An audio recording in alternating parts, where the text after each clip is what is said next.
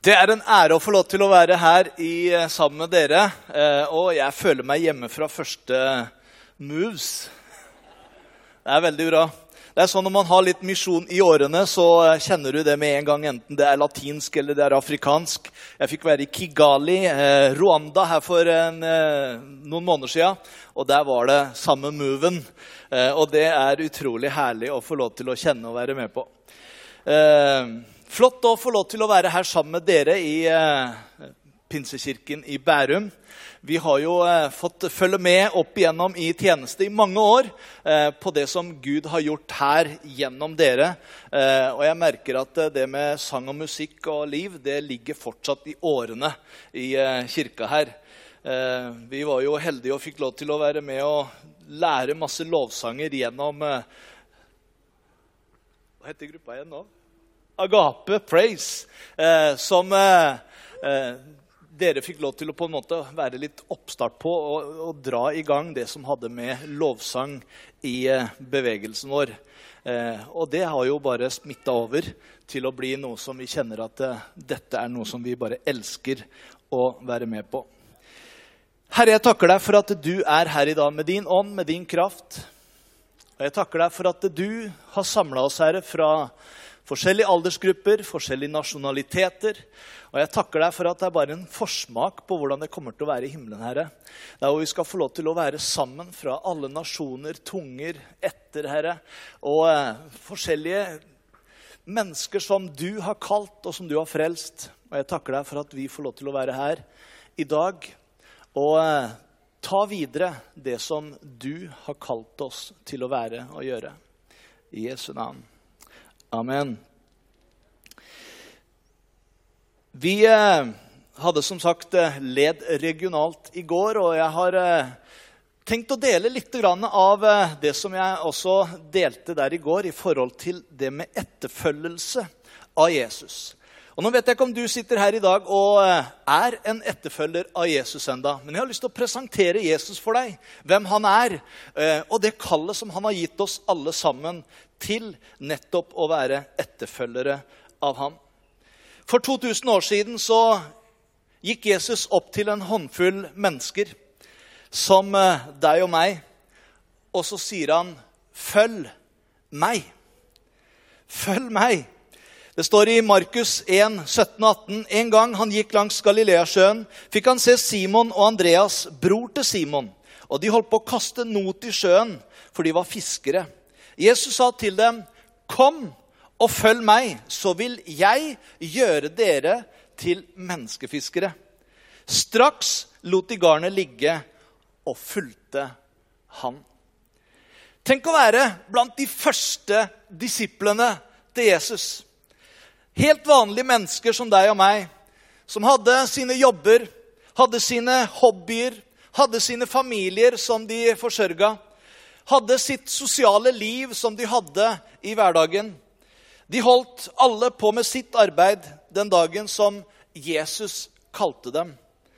Og ingen av dem hadde ventet at deres liv skulle endres så raskt og så fullstendig. Disiplene de kunne nok eh, ikke fullt ut forstå hva de skulle være med på, og hva de gikk inn i. Men de svarte ja på kallet fra Jesus til å følge han. Uansett forventning eller tvil, nysgjerrighet, spenning eller usikkerhet som de måtte bære på, så var det ingenting som kunne ha forberedt dem på hva som lå foran. Alt om Jesus, hans undervisning, hans medfølelse for mennesker, hans visdom, hans tale, som de sa var som ingen andre de hadde hørt. Hans liv, og plutselig hans død, men så etterpå hans oppstandelse. Hans makt, hans autoritet, hans kall ville komme til å forme alle aspekter av livet deres for hele resten av sin levetid. Bare noen få år etterpå sto disse enkle menn og kvinner foran mektige herskere på jorda og ble beskyldt for at de snudde verden opp ned. Disse første disiplene de fikk forandra livet sitt i et møte med Jesus. Og Det som begynte som en enkel lydighetshandling i forhold til det å følge Jesus, endte opp med å endre deres liv, og til slutt en hel verden som fikk lov til å møte dette budskapet. Bare noen tid etter La oss se litt for eh, hvordan de første disiplene ble kalt, og hva det vil si å være en disippel. En disippel det var jo ikke så veldig rart egentlig på Jesu tid å være en disippel. Eh, det var eh, mange såkalte rabbier som de hadde. Ikke rabbis, altså, men rabbier. Som var en lærer som veldig mange fulgte. Eh, det var noen som var kloke mennesker, som eh, de på en måte var med. Og noen av de som fulgte en rabbi, de kunne være så unge som fire-fem år når de begynte å gå på en rabbiskole og hadde en slags kristendomsundervisning, om du vil, eh, med en lærer. Så det at det plutselig kom en som var en lærer som de etterfulgte, det var ikke så helt uvanlig på den tida. Men så kommer Jesus og så møter han de første disiplene. Og så leser vi i Johannes kapittel 1, 35. Dagen etter sto Johannes, døperen Johannes, som hadde stått der i Jordan og døpt. Eh, han sto der igjen sammen med to av sine disipler. Og da Jesus kom gående, så Johannes på ham og sa, Se, der Guds lam, som bærer verdens synd. De to disiplene hørte hva han sa, og fulgte etter Jesus. Og Jesus snudde seg og så at de fulgte ham, og han sa, 'Hva leter dere etter?' De svarte, 'Rabbi, hvor bor du?' Rabbi betyr lærer. 'Kom og se', sa Jesus. De gikk da med ham og så hvor han bodde, og de ble hos ham den dagen. Det var omkring den tiende time. Andreas, Simon Peters bror var en av de to som hadde hørt hva Johannes sa, og han, som hadde fulgt etter Jesus. Han fant nå sin bror Simon, og han sa til ham, 'Vi har funnet Messias.' Messias betyr den salvede. Dagen etter ville Jesus dra til Galilea. Og hør, da fant, Philip, da fant han Philip og sa til ham, 'Følg meg.' Philip var fra Betsaida, den byen Peter og Andreas kom fra. Og Philip traff Natanael og sa til ham, 'Vi har funnet han som Moses har skrevet om i loven,' 'og som også profetene har skrevet om.' 'Det er Jesus fra Nasaret, Josefs sønn.' 'Kan det komme noe godt fra Nasaret?' sa Natanael. Philip svarte, 'Kom og se.' Jeg bare elsker det uttrykket. Kom og se. Har du noen gang prøvd å overbevise noen om at de må tro? Og, og fortelle dem hvem Jesus er? Og, og de begynner liksom å argumentere med alle mulige ting. Disse var ikke så interesserte. De sa bare 'Kom og bli med. Bli med og se'. Og når du har vært sammen med Jesus, kan du etterpå fortelle meg er han eller er han ikke den han sier seg å være. Kom og se.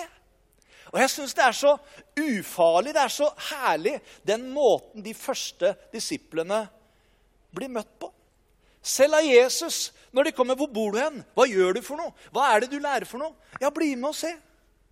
Og så kaller han dem til etterfølgelse av ham. Og Jeg syns det er noe herlig i dette som Jesus også ønsker å invitere deg og meg inn i. Og han sier det på samme måte. Bli med. Kom og se. Bli med inn i det jeg har for deg. Lær hvordan jeg er. Se hvem jeg er. Se hvordan jeg er med mennesker. Se hvorfor jeg kom. Og så inviterer han oss til å komme og se. Jeg tror det er umulig å være en disippel eller etterfølger av noen uten at du blir påvirket av den personen. Jeg er sikker på, Henger du veldig mye sammen med Morten, så vil du etter hvert begynne å være som Morten. Du vil begynne å etter hvert bevege deg som Morten. Jeg har sett han liksom bevege seg foran i lovsangen. Etter hvert så begynner du å kanskje til og med snakke som Morten. Vi hadde i Argentina husker jeg, under vekkelsen til Carlos Anacondia, eh, som eh, samla tusenvis av mennesker. og eh, Han hadde en måte å preke på, han hadde en måte å være på. Og bare i tida etter det så husker jeg det, liksom, det, du, du, hadde masse anacondiaer i Argentina. De gikk som han, og de preka som han, og de hadde til og med sjargongen som han i forhold til hvordan det var. Fordi de hadde vært mye sammen med han. Du skjønner, Når du er mye sammen med Jesus, så begynner du etter hvert å være som Jesus. Du begynner å behandle folk som Jesus. Du begynner å se ut som Jesus. holdt jeg på å si. Fordi det, det stråler noe ut av det å være sammen med ham. Kom og se. En annen fortelling i forhold til det med disippelskap det handler om en kvinne i Johannes kapittel 4 som du leser om. Og Det er et fantastisk uttrykk også der, hvor eh, denne kvinnen kommer, og hvordan Jesus møter denne kvinnen. Som eh, kom på en tid av døgnet for å hente vann, hvor ingen annen kom for å hente vann. Kanskje det var ting i livet hennes som hun ønska å skjule. Kanskje det hadde vært ting som hun hadde forsøkt å fylle sitt liv med, som hun ikke hadde fått til. Eh, og kommer der for å hente vann midt på den varmeste av dagen. Og der sitter Jesus helt tilfeldig? Nei, jeg tror det var helt gudfeldig at han var der på den tida akkurat da. Og så kommer denne kvinnen for å hente vann, og så begynner Jesus med en samtale med denne kvinnen. Du, 'Kan du gi meg litt vann?' Og Hun blir overraska fordi at jøder og hedninger hadde jo ikke noe med hverandre å gjøre. Eh, liksom det med kultur kan av og til krasje i forhold til det å ta imot et budskap. Men så kommer Jesus, og så bryter han også kulturbarrierer ved å gå ned og be om hjelp fra noen som han skulle på en måte, ifølge jødisk eh, tankegang, stå over. Og som han skulle jo ikke be om en tjeneste av noen som var en samaritan. Og hun blir overraska. Hvordan kan du som er jøde, be meg, en samaritansk og kvinne i tillegg, om hjelp, om vann. Og så begynner samtalen, Jesus og henne. Hvis du visste hvem som ber deg om vann, ja, da hadde du bedt han om vann. Hadde du bare visst hvem som snakker med deg. Hadde du bare visst. Jeg syns det er et sånn fantastisk uttrykk. Og Av og til så har jeg måttet stoppe opp i det uttrykket sjøl og si, 'Benjamin, Vet du hvem du følger?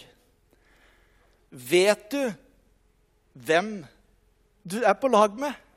Hadde du bare visst, Benjamin, hvem han er Han er ikke bare Jesus. Han er kongenes konge. Han er Gud. Han er skaper av himmel og jord. Han er den som når i Apostlenes gjerninger fire, etter at de har blitt trua på å ikke snakke mer om Jesus, så sier han vi kan jo ikke la være å tale om det vi har sett og hørt. Og så går de sammen etterpå, så ber de, og så ber de på denne måten. Gud, du som har skapt himmel og jord og hav og alt det som er i den.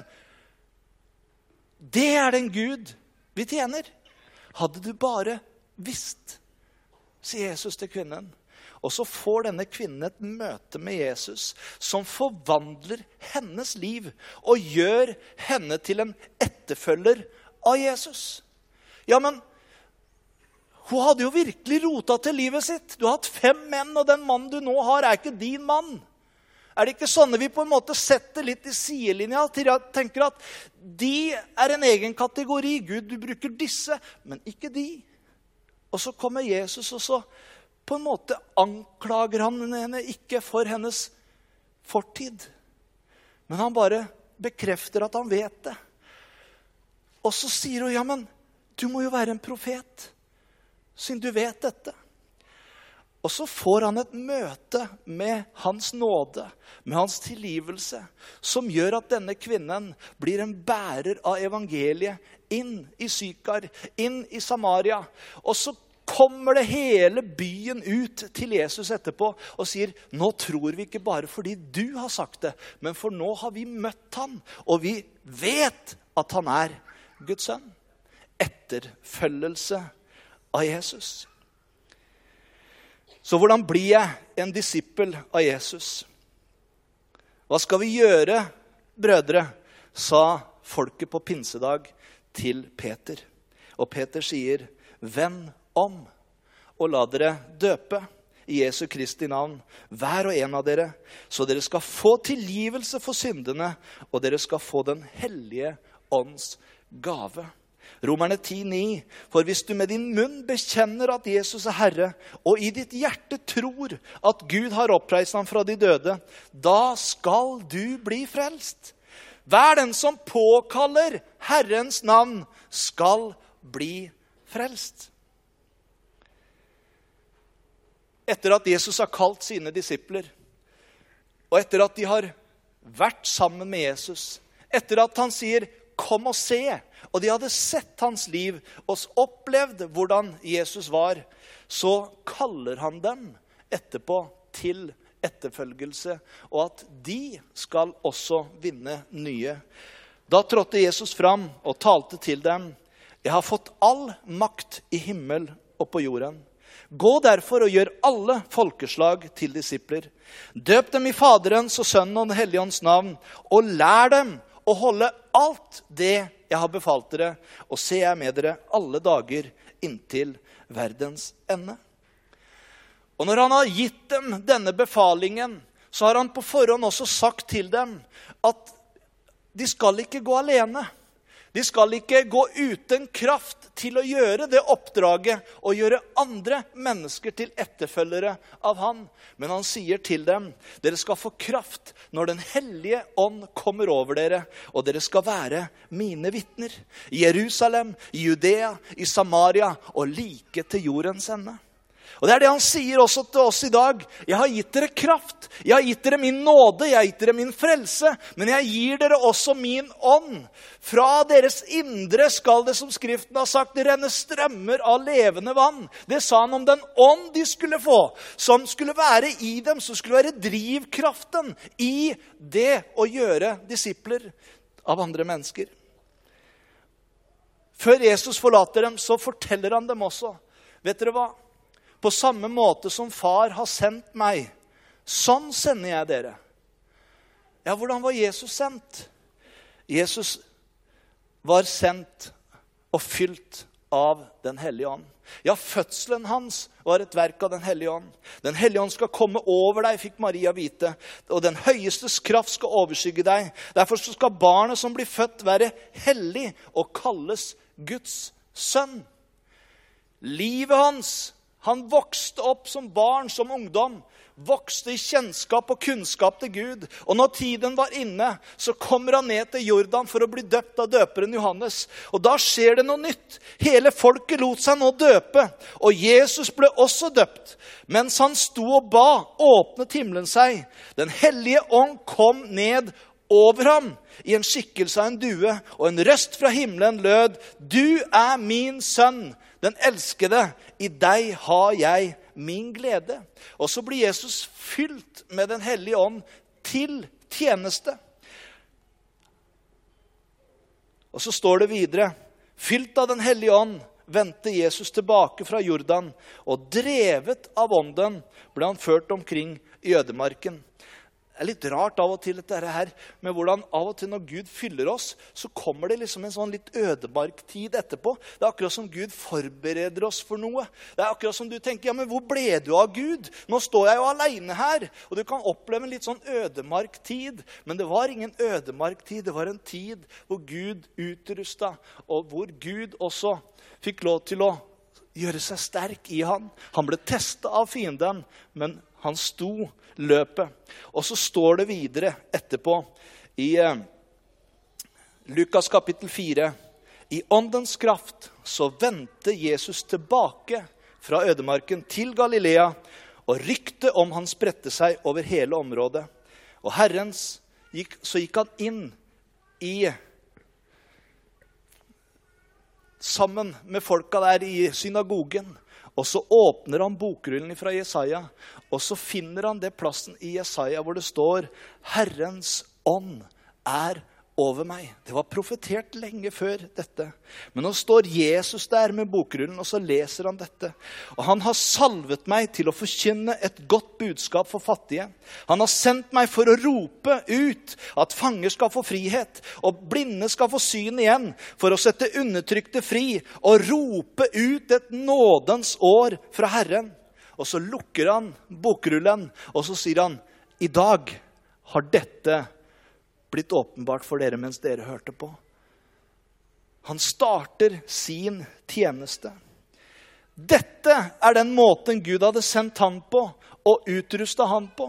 Og så sier nå Jesus til sine disipler, 'Dere sender jeg på samme måte som far har sendt meg.' Jeg sender over dere det min far har lovet, men dere skal bli i byen til dere blir utrustet med kraft ifra det høye. Men jeg sier dere sannheten, sier han videre. Det er til beste for dere at jeg går bort. For dersom jeg ikke går bort, så kan ikke talsmannen komme til dere. Men når jeg går bort, kan jeg sende ham til dere. Men når sannheten sånn kommer, skal han veilede dere til hele sannheten. For han skal ikke tale ut fra seg selv, men han skal si det han hører, og gjøre kjent for dere det som skal komme. Han skal herliggjøre meg, for han skal ta av det som er mitt, og forkynne for dere. Og så sier han videre, før han drar av gårde, når han står der sammen med dem Men husk, dere skal få kraft idet Den hellige ånd kommer over dere, og dere skal være mine vitner. Og Da pinsefestens dag kommer, så står det at de var alle samla på ett sted. Og med ett så kom det som et brus fra himmelen som fylte hele plassen der de var samla. Da ble de alle fylt av Den hellige ånd, og de begynte å tale i andre språk som ånden ga dem å forkynne. Og så står en Peter som bare noen dager før hadde banna på at han ikke kjente Jesus. Han har opplevd denne kraften i sitt liv, denne forvandlingen. Etter å ha hørt Jesus kall først 'Kom, Peter, følg meg'. Så har han vært igjennom en fase i livet av forberedelse.